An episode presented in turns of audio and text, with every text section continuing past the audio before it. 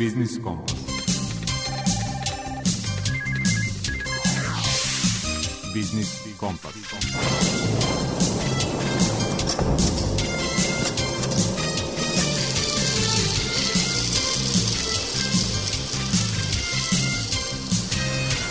Pred mikrofonom je Đuro Vukilić. Dobar dan, poštovani slušalci. Pogledom kroz prozor ili u kalendar, podjednako ćemo znati da je letu i letnjoj programskoj šemi našeg radija došao kraj. A ekonomske teme koje su zaokupljale pažnju javnosti tokom vrelih letnjih dana čine i činit će to i narednih meseci. Za rubriku Aktuelno izabrali smo pitanje može li Srbija iz svojih resursa da obezbedi dovoljno električne energije za zimu, a odgovor potražili od urednice portala Energija Balkana Jelice Putniković. Gost autor rubrike iz mog ugla je direktorka Instituta za standardizaciju Srbije Tatjana Bojanić, a tema uloga standardizacije u privredi i svakodnevnom životu. U rubrici Svet preduzetništva rukovodilac projekata u regionalnoj razvojnoj agenciji Bačka Marija Prokopić najavljuje online obuke za preduzetnike iz marketinga i inovacija.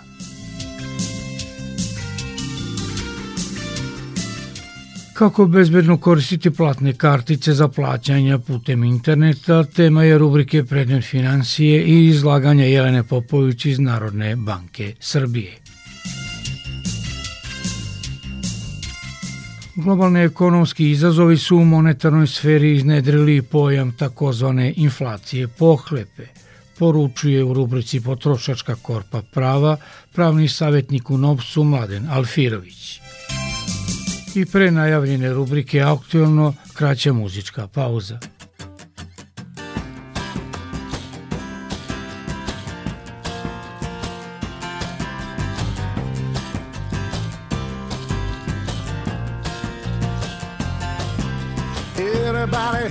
Looking for revival in our own hearts and across the land. Anybody looking for a revival? Lift up your voice and say, man. Lift up your voice and say, man. Anybody here looking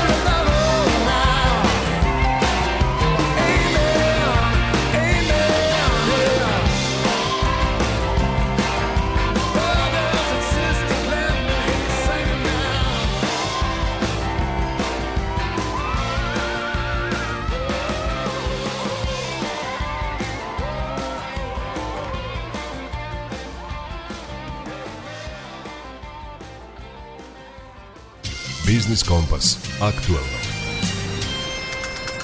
Može li Srbija ove zime da obezbedi dovoljno električne energije iz sobstvenih elektrana ili da barem smanji uvoz na minimum? Ako je suditi prema snabdevenosti energentima i hidrološkoj situaciji, To pitanje postavili smo urednici portala Energija Balkana, Jelici Putniković. Ove kiše koje su poslednjih dana prilično obimo padale, mislim da će pomoći da se popravi hidrološka situacija. E sad vidjet ćemo da li će nastaviti padavine i tokom oktobra, početkom zime i to bi svakako pomoglo da se proizvodi više struje iz hidroelektrana. U svakom slučaju e, računa se na to da će određene količine morati da se uvoze pogotovo ako bude ledenih dana, međutim dobra stvar je što je već određena količina struje, uvoza struje ugovorena, tako da verujem da ćemo uspeti da prebrodimo zimu bez restrikcija i bez nekih većih problema. Portal Energija Balkana je ovih dana organizovao i konferenciju. Tema su bile moguće uštede struje u domaćinstvima. Koliko je to izvodivo što se tiče domaćinstava, a koliko što se tiče privrede javnih ustanova rasvete? Zapravo, kod domaćinstava onaj ko je štedeo, taj će štedeti i u buduće. Oni koji su, zahvaljujući tome što je cena struje najjeftinija u Evropi za domaćinstva, koji su se grejali na struju, pogotovo sada kada je pelet poskupeo i kada ga nema u dovoljnim količinama od kada je cena zamrznuta, a znamo da nema ni dovoljno na stovarištima ogrevnog drveta niti uglja, verovatno će mnogi koji su se grejali na ova čvrsta goriva goriva preći na grejanje električnom energijom, tako da i ove povlastice koje je na iniciranje vlade Srbije je EPS usvojio da im račun ako uspeju da smanje potrošnju u odnosu na isti mesec prethodne godine, znači teško da će onaj ko nema kako drugačije da se greje da štedi struju. Svakako uštede su poželjne i neophodne, a pošto mi nismo baš ni zemlja ni građani koji racionalno troše električnu energiju, znamo da ljudi ostavljaju upaljena svetla i kada im ne treba tokom dana, da u kancelarijama gore svetla, zgrade su često okićene sjelicama kao novogodišnje jelke, znači e, treba tu povesti računa o energetskoj efikasnosti i ne trošiti električnu energiju kao i svaku drugu energiju onda kada ne moramo. Pomenuli ste osvetljenje, e, Beograd je na primer prethodnih zima već je negdje u oktobru počelo kićenje ulica, jedne godine mislim da su tek u maju maju skinuli osvetljenje. E, mislim da turisti koji hoće da dođu u Beograd da neće doći zbog oči, okićenih bulevara i osvetljenih zgrada, pogotovo sada kad i oni sami imaju situaciju u svojim zemljama da se tamo gase ta raskošna osvetljenja. E, informacija koju smo čuli prethodnih dana bila je da je Eiffelov toran neće onako svetlati kao prethodnih zima. Znači, vanredna je situacija u celoj Evropi, ne samo u Srbiji i treba početi da se racionalno ponašamo, a štednja struje svakako će doprineti tome da koliko god da se uštedi, da EPS manje mora da uvozi. Značajan izvor uštede električne energije i relaksacije elektroenergetskog sistema krije se u smanjenju gubitaka na mreži. Utisak je da se o tome malo govori, a još manje čini. Pa ono što nije urađeno u Srbiji u prethodnih godina, mnoga stara brojila još nisu zamenjena. Umeđu vremenu je iz elektroprivrede Srbije izdvojena elektrodistribucija Srbije i e, ta niskonapolska mreža je ono što može biti problem u predstojećim zimskim mesecima jer se u nju nije puno ulagalo, znači osim toga što nisu ugrađena brojila sa daljinskim očitavanjem, ali i mogućnošću daljinskog isključenja električne energije, imamo situaciju situaciju da može doći ako bude problem e, u distribuciji preveliko opterećenje da jednostavno iskaču pojedina područja, pojedine ulice, pojedine zgrade i sistema. I to je ono što bi mogao biti problem. U gubicima električne energije na niskom naponu krije se nažalost i krađa struje sa kojom se u Srbiji pre svega država, ali ni EPS nije obračunao kako valja još od kraja 90. godina kada je bilo puno onih koji nisu plaćali struju. Jednostavno, poređenja radi, sada je više od 10%, neki kažu 13, neki čak i 17 da su gubici na mreži. Stručnjaci kažu da je realno da oko 7% se svedu gubici na mreži i navode naravno i da neke zemlje poput Austrije ili Slovenije imaju čak i manje gubitke, ali to već zavisi od samog elektroenergetskog sistema. Ono što je sigurno treba ulagati u smanjenje gubitaka na distributivnoj mreži, znači niskonaponskoj i treba država konačno da donese odluku da oni koji kradu struju, da oni budu isključeni i da budu sankcionisani na pravi način, jer nažalost to se sada ne dešava i kao da prećutno se puštaju neki da kradu struju, a to svakako ne ide u prilog ni EPS-u, a i građani Srbije koji plaćaju, a znaju da njihove komšije kradu električnu energiju, osjećaju se, da kažem, žargonski glupo, pa ovaj, možda će neko i od njih pokušati da na taj način smanji svoj račun za struju. Znači, to je jedna društvena pošast sa kojom mora od vrha države da se donese odluka i da se to sprovede do kraja, jer ako vide da se kažnjava, ako budu isključeni, ako dobiju, ono, sada se, na primjer, ti koji kradu struju kažnjavaju da treba da plate neki prosečan iznos, čini mi se u prethodnih godinu dana, ako to bude malo poštreno, neće im padati na pamet da ne neovlašćeno troše električnu energiju, kako se to zvanično kaže. Nadajmo se tome, naša sagovornica bila je urednica portala Energija Balkana Jelica Putniković. Jelice, hvala za razgovor. Hvala vama na pozivu. I can see the clouds rolling I can feel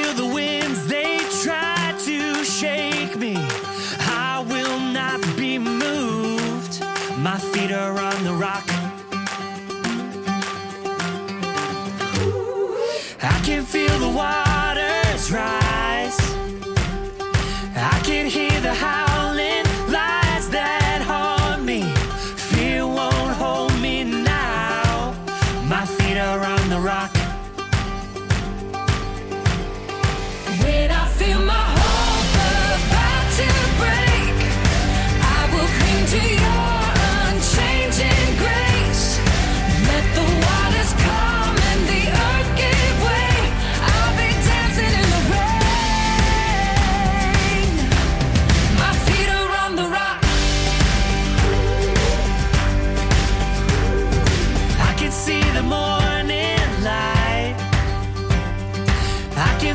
joy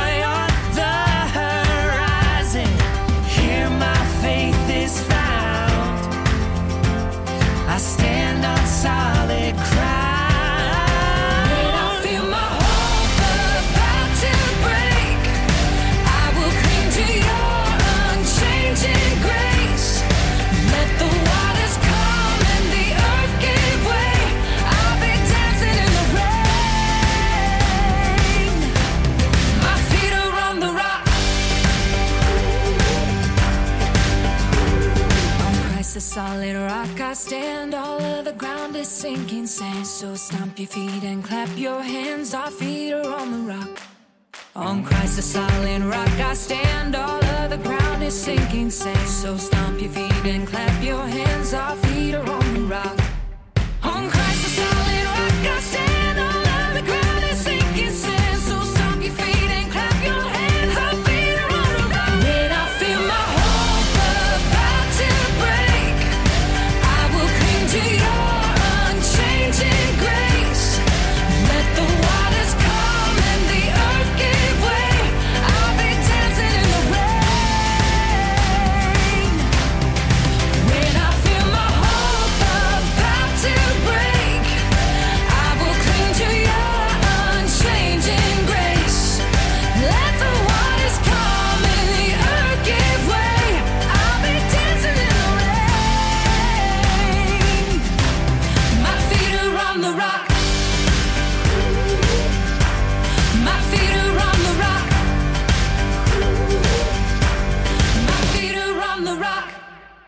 Biznis Kompas iz mog ugla. Institut za standardizaciju Srbije, čiji je osnivač Republička vlada, služi kao platforma u kojoj se okupljaju stručnjaci svih profila da bi radili na standardima proizvoda ili usluga.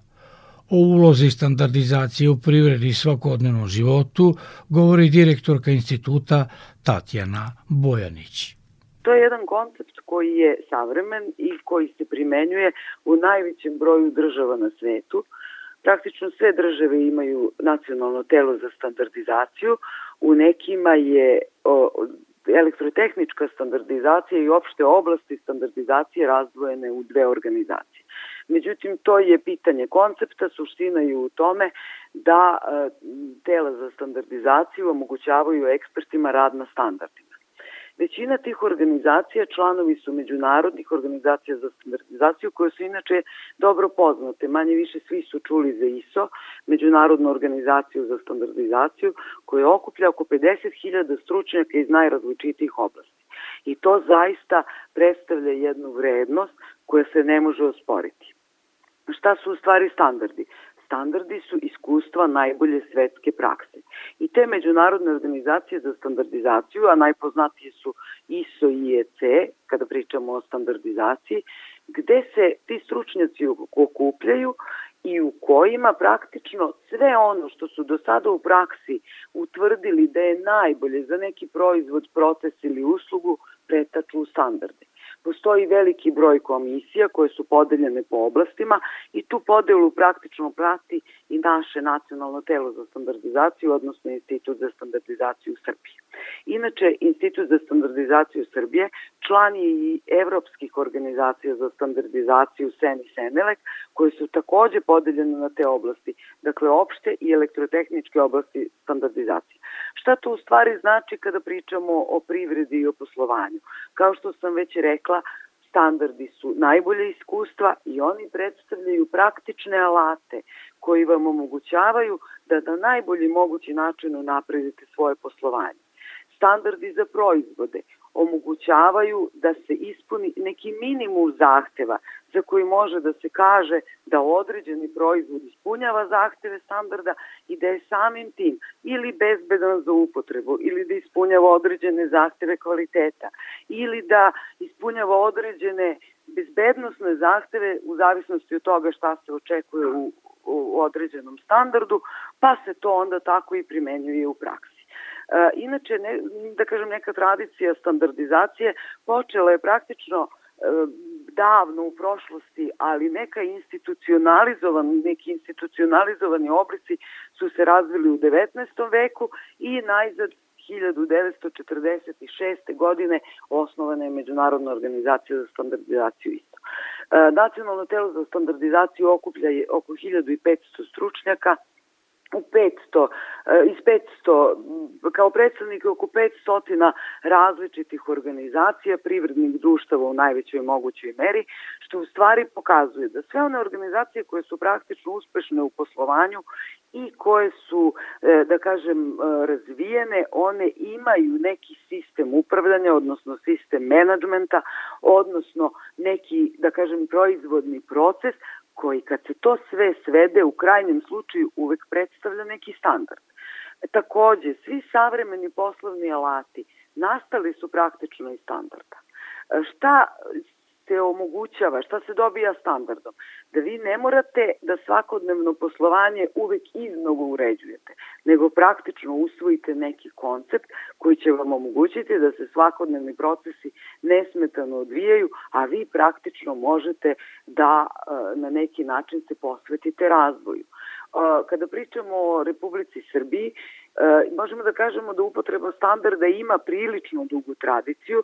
Praktično prvi institucionalni oblik standardizacije nastoje negde 1934. godine na Tehničkom fakultetu u Beogradu u formi udruženja, a Savezni zavod za standardizaciju 1946. godine.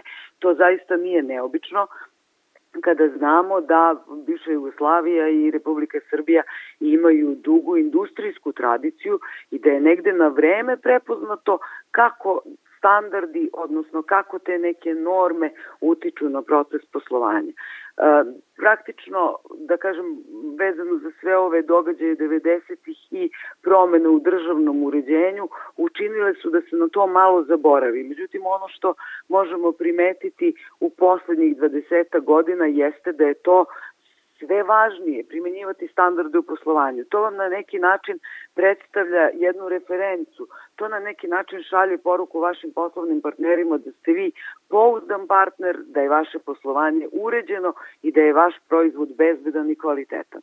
I to je, e, s druge strane, posledica jedne zaista plemenite ideje, a, a koja glasi jedan standard za jedan svet, a za ceo svet, izvinjam se, jedan standard za ceo svet, a koja praktično dovodi do toga da se ne prave nepotrebne barijere u poslovanju i da se omogući slobodno kretanje roba i usluga.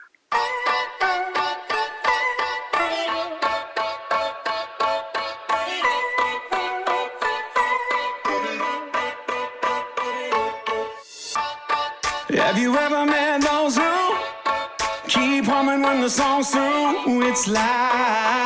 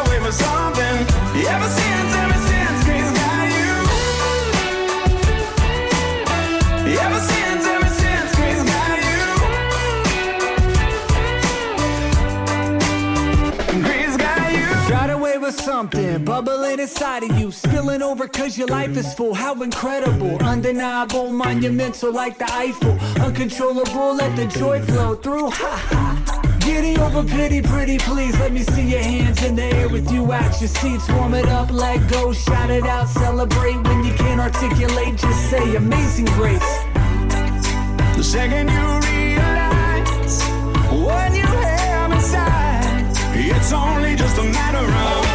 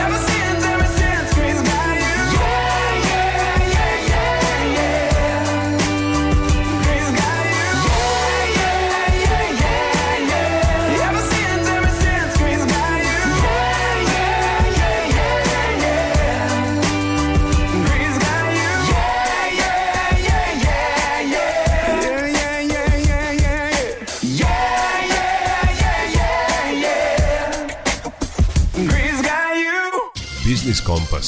Svet preduzetništva. Nefinansijska podrška malim i srednjim preduzećima i preduzetnicima u obliku obuka iz marketinga i inovacija tema je rubrike Svet preduzetništva. Obuke će biti održane u oktobru u online formatu i bit će dostupne i preduzetnicima van Novog Sada. poručuje rukovodilac projekata u regionalnoj razvojnoj agenciji Bačka Marija Prokopić. Reč je o obukama koje regionalna razvojna agencija Bačka kontinuirano sprovodi tokom cele godine, a za sledeći mesec planirane su dve obuke. Prva je iz marketinga, dok su druga inovacije. Obuke se sprovode po metodologiji Razvojne agencije Srbije i nakon odslušane obuke svi polaznici dobijaju sertifikat koji im kasnije može poslužiti tako, za različite svrhe. Ono što je bitno, način prijavljivanja se vrši putem maila office at rda a tačne informacije, odnosno tačan datum održavanja obuka biće istaknut na našem sajtu krajem septembra. Svi zainteresovani i oni koji imaju neka dodatna pitanja mogu se informisati i putem telefona 021 55 7781. U pitanju su jednodnevne obuke koje će se održavati online, tako da svi privredni subjekti, bez obzira što nisu sa teritorije Novog Sada, moći će da nesmetano slušaju. U okviru prve obuke koju sam navela, marketing, akcenat će biti kako na tradicionalnom marketingu, tako i na digitalnom. Polaznici će se upoznati sa osnovnim aspektima takozvanog 4P, odnosno proizvod, cena, promocija i distribucija, a imaće prilike i da čuju savremene tendencije u marketingu, pri čemu mislim znači na digitalni marketing. A što se tiče inovacija, pokušat ćemo da demistifikujemo sam pojam, odnosno da polaznike upoznamo koje se vrste inovacija. Postoje, da ih ohrabrimo, da i oni nešto inoviraju s obzirom da su inovacije nužnost u savremenim tržišnim uslovima privređivanja, jer pored toga što preduzećima obezbeđuju konkurentsku prednost, faktički im omogućuju i da opstanu u ovoj nekoj tržišnoj utakmici današnjice. A, isto tako spomenut ćemo koji su to izvori finansiranja inovacija, znači koji su to državne institucije i fondovi gde mogu da dobiju bespovratno sredstva za inovacije ili eventualno da se finansiraju. I've gone through the motions, I've been back and forth. I know that you're thinking you've heard this before. I don't know how to say it, so I'm just gonna say it. Yeah. Fear you don't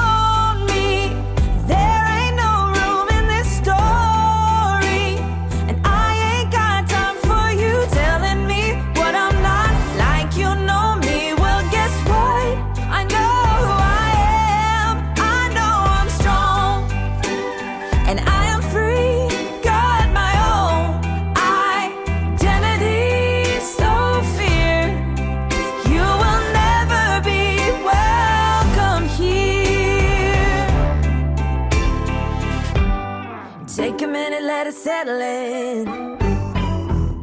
You probably never saw it coming. Something's gotta give, so I give up you. Oh,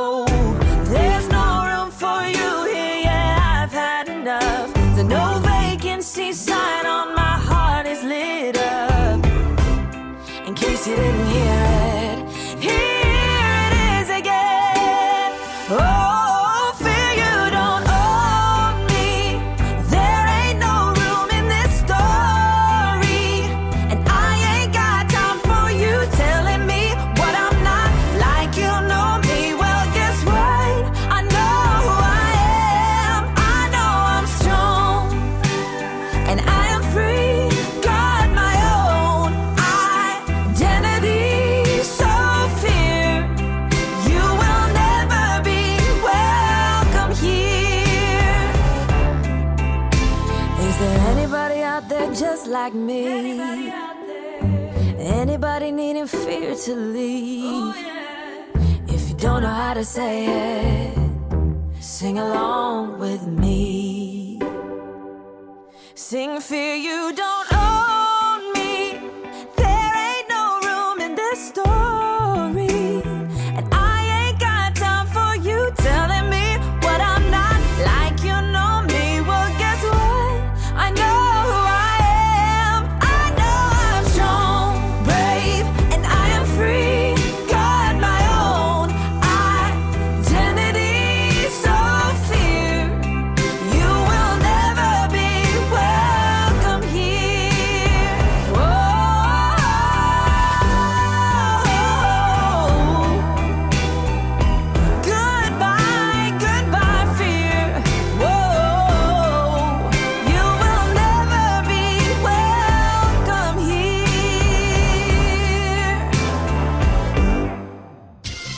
Biznis Kompas.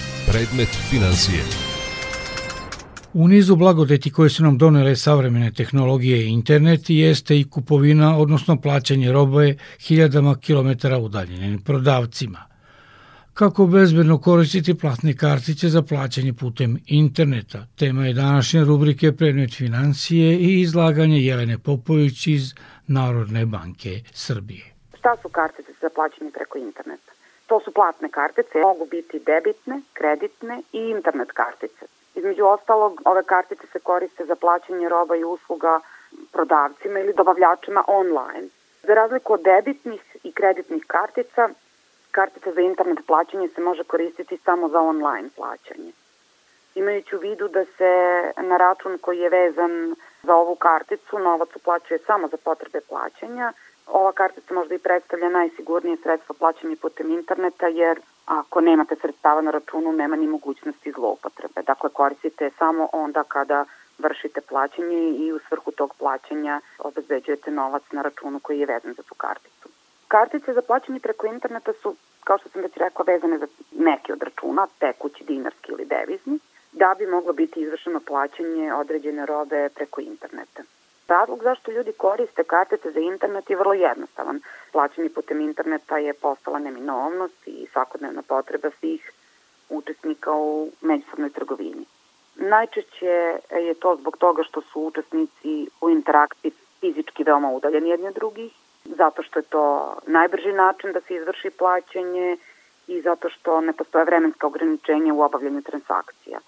Naravno, ova situacija vezana za koronavirus i sve neke situacije u kojoj smo obezbedile bezbednost za plaćanje, odnosno za nabavku robe i usluga za ljude, posebno za one starije, je ubrzala, da kažemo, ovaj način trgovine putem online plaćanja i nabavke robe i usluga na ovaj način.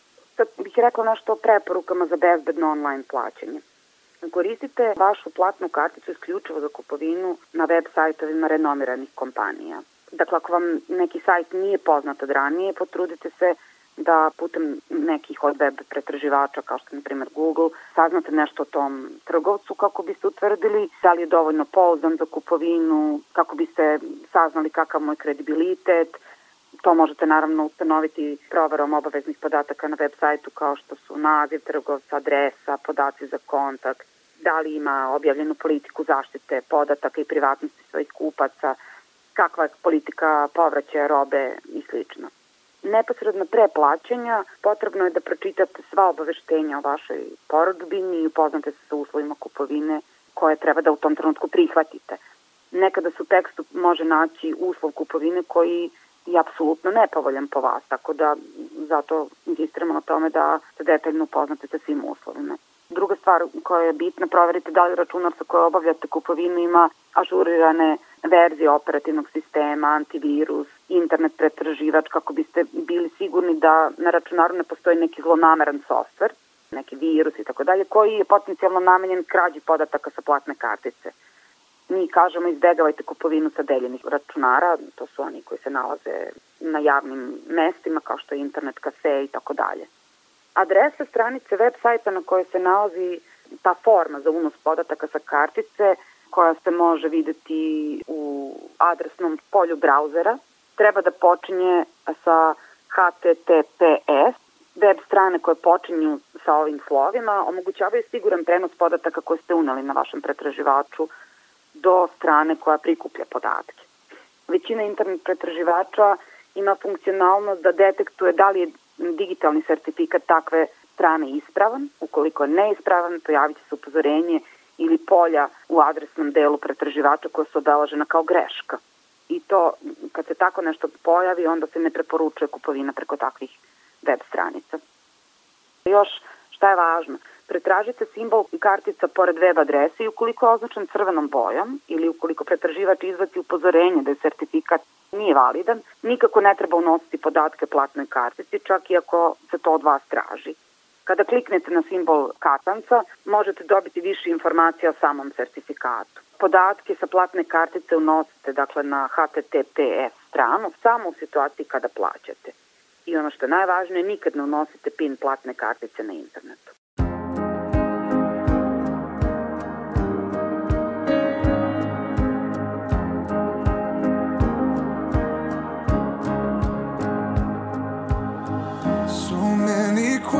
Questions. The world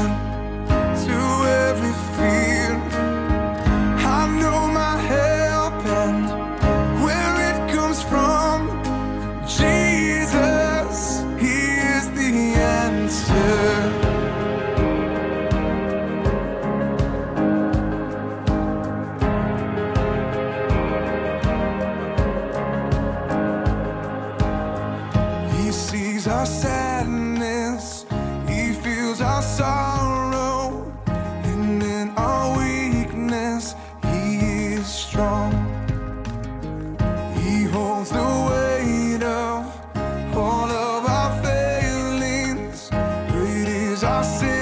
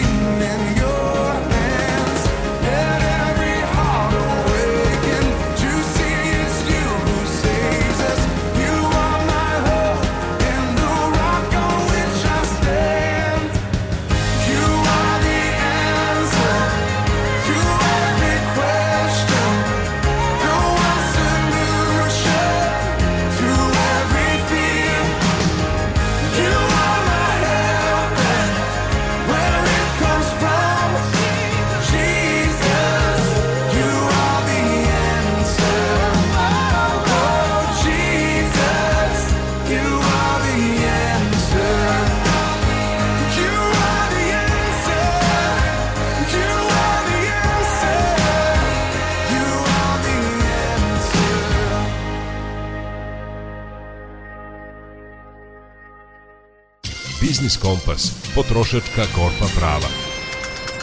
Sva je prilika da su u posljednjih meseci ekonomska teorija i praksa obogaćeni za još jednu definiciju inflacije. Inflacija pohlepe. O tome u rubrici Potrošačka korpa prava govori pravni savjetnik Udruženju za zaštitu potrošača Vojvodine Mladen Alfirović. Inflacija je poslednjih meseci postala na neki način opravdanje za sve u lancu snabdevanja i sad smo došli u situaciju da se postavlja pitanje koliko je to povećanje cena zapravo opravdano, koliko je ono posledica stvarne inflacije, a koliko se tu kriju i neka neosnovana poskupljenja i pokušaj svih u lancu nabavke da dodatno zarade. Da svi se pozivaju na inflaciju i proizvođači i trgovci koji dižu cene svojih proizvoda dok su potrošači primorani da za namirnice svakog meseca izdvajaju sve više novca. Prvo smo imali koronu, pa zatim rat u Ukrajini i sve to dovelo do nekih globalnih problema u energetici i trgovini koji su zapravo postali izgovor pojedinim kompanijama da ostvare dodatnu zaradu. Tako da je na zapadu sve više počeo da se javlja neki novi izraz koji glasi greedflation. Kad bismo to bukvalno preveli sa engleskog, dobili bismo termin inflacija izazvana pohlepom. Dakle, sve češće se otvara pitanje da li su sve cene morale baš toliko da skoče i da li su neki proizvođači i prodavci zapravo zloupotrebili cijelu ovu situaciju. Ono što je bitno napomenuti jeste da priliku za dodatnu zaradu pod paravanom inflacije vide i trgovci koji zaračunavaju ogromne marže, ali naravno i proizvođači koji dižu cene svojih osnovnih proizvoda i vlasti, uključujući i našu državu, to pokušavaju da spreče na sve moguće načine, pa sve češće uvode raznorazne ograničenja kako bi sprečili produbljavanje inflacije. To smo svakako imali prilike da vidimo u poslednjih nekoliko meseci gde su ograničene cene osnovnih životnih namirnica, zapravo te uredbe kojima se cene ograničavaju se samo produžavaju iz meseca u mesec. Neki statistički podaci kažu da su cene u odnosu na prošlu godinu povećane za 12%, međutim inflacija je bukvalno prosek svih cena. Dakle, ne može se govoriti da, da je sve poskupilo za 12%, nešto je poskupilo daleko više od toga, a nešto niže. Tako da je to zapravo neki prosek, a osnovne životne namirnice su svakako poskupile u dosta većim procentima. Ono što su najnovije ograničenja, to uh, vlade Srbije za trgovce odnose se pre svega na, na sve vrste hleba, osnovnih životnih namirnica, brašno, ulje, šećer, svinski but, pileće meso i slično. Međutim, ono što može biti problem i što mi kao NOPS ukazujemo jeste da pojedine kompanije i trgovine iskorišćavaju situaciju i da na kraju uvek krajnji ceh plaćaju kupci. Prema nekim našim procenama i istraživanjima koji smo radili, primetno je neopravdano povećanje cena. Na prvom mestu su proizvođači koji su podigli cene svojih proizvoda, a zatim i trgovci koji su povećali marže, međutim ono što može biti problem jeste što se trgovcima to vrati kao bumerang jer im onda opadne potražnja za za proizvodima i sami imaju manji profit. Dakle, trgovci su negdje najosjetljiviji na, na povećanje cena, međutim, sigurno postoje neki koji su zlupotrebili celu ovu situaciju i e, neopravdano e, povećali svoje marže. Takođe, činjenica je da proizvođači imaju veće inpute zbog e, povećanih cena energenata, ali kada uzmemo u obzir da u celom tom lancu svi pomalo neopravdano podignu cene, onda dobijemo krajnji rezultat koji pogađa običnog prosečnog potrošača koji se pita da li će uopšte moći sve to da plati i koliko će ga u nekom narednom periodu koštati energenti i osnovne životne namirnice. Ono što bi trebalo da se desi u nekom predstojećem periodu jeste to da osnovni zakon koji važi u ekonomiji, to je zakon ponude i tražnje, reguliše ta neka nagla i neopravdana poskupljenja jer kad god potrošači ne mogu da plate određenu robu, svakako će se ta roba manje kupovati smanjit će se profit. Dakle, korporacije to vrlo dobro znaju i one cene određuju prema tome da li će neko to moći da kupi, koliko će oni tih proizvoda moći zapravo da prodaju. Tako da očekujemo da će u nekom presređenom periodu kad potrošači reaguju u smislu da se smanji njihova kupovna moć i potražnja za određenim proizvodima, doći do tog nužnog smanjenja i samim tim na neki način će se ta pohlepa pojedinih proizvođača i trgovaca koja je evidentna korigovati i doći do nekog smanjenja cena. Dakle, to je ono što ne samo mi kao potrošačka organizacija, već i brojni ekonomisti predviđaju, a naravno ostaje da, da se vidi u kojoj meri će se to desiti. Očekujemo tu nekom predstavljućem periodu da će situacija biti malo bolja, a ono na što se apeluje jeste da se vodi računa o akcijama, da se što više moguće štedi i da se kupovina obavlja pametno, a ne, ne impulsivno, kao što je neretko bio slučaj.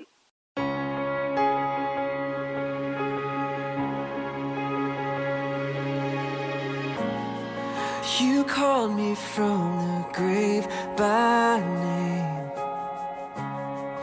You called me out of all my shame. I see the old is passed away, oh.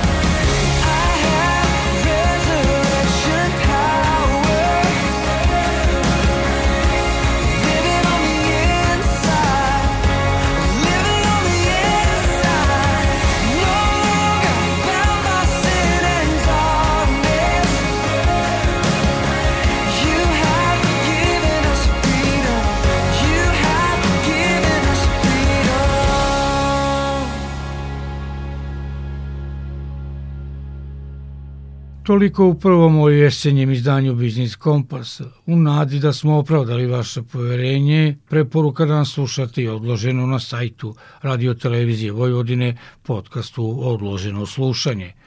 Muzički urednik Zoran Gajinov, ton majstor i boja šanca i urednik emisije Đuro Vukelić žele vam ugodan nastav popodneva i večeri uz program Radio Novog Sada. Zdravi bili i čuvajte se.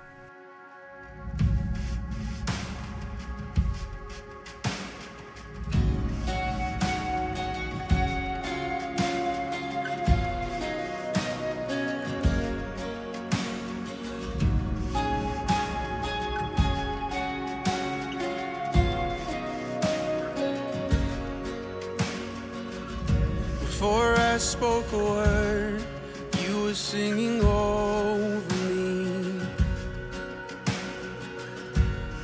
You have been so, so good to me.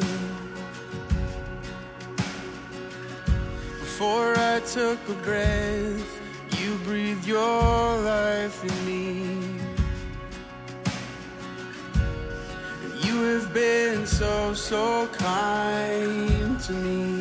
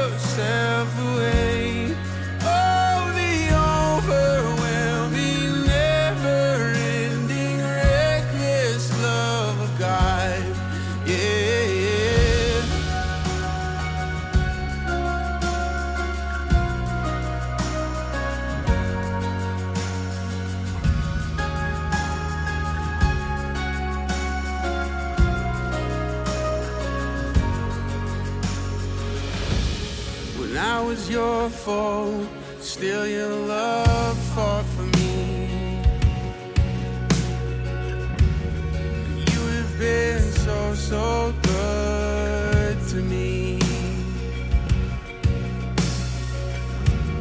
When I felt no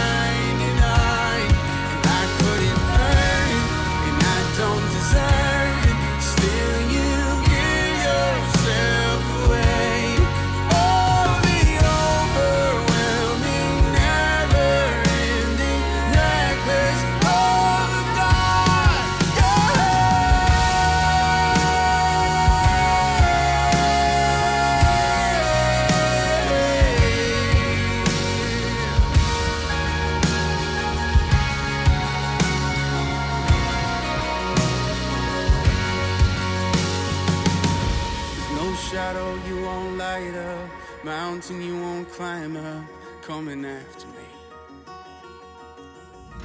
There's no wall you won't kick down, lie you won't tear down, coming after me. There's no shadow you won't light up, mountain you won't climb up, coming after me. There's no wall you won't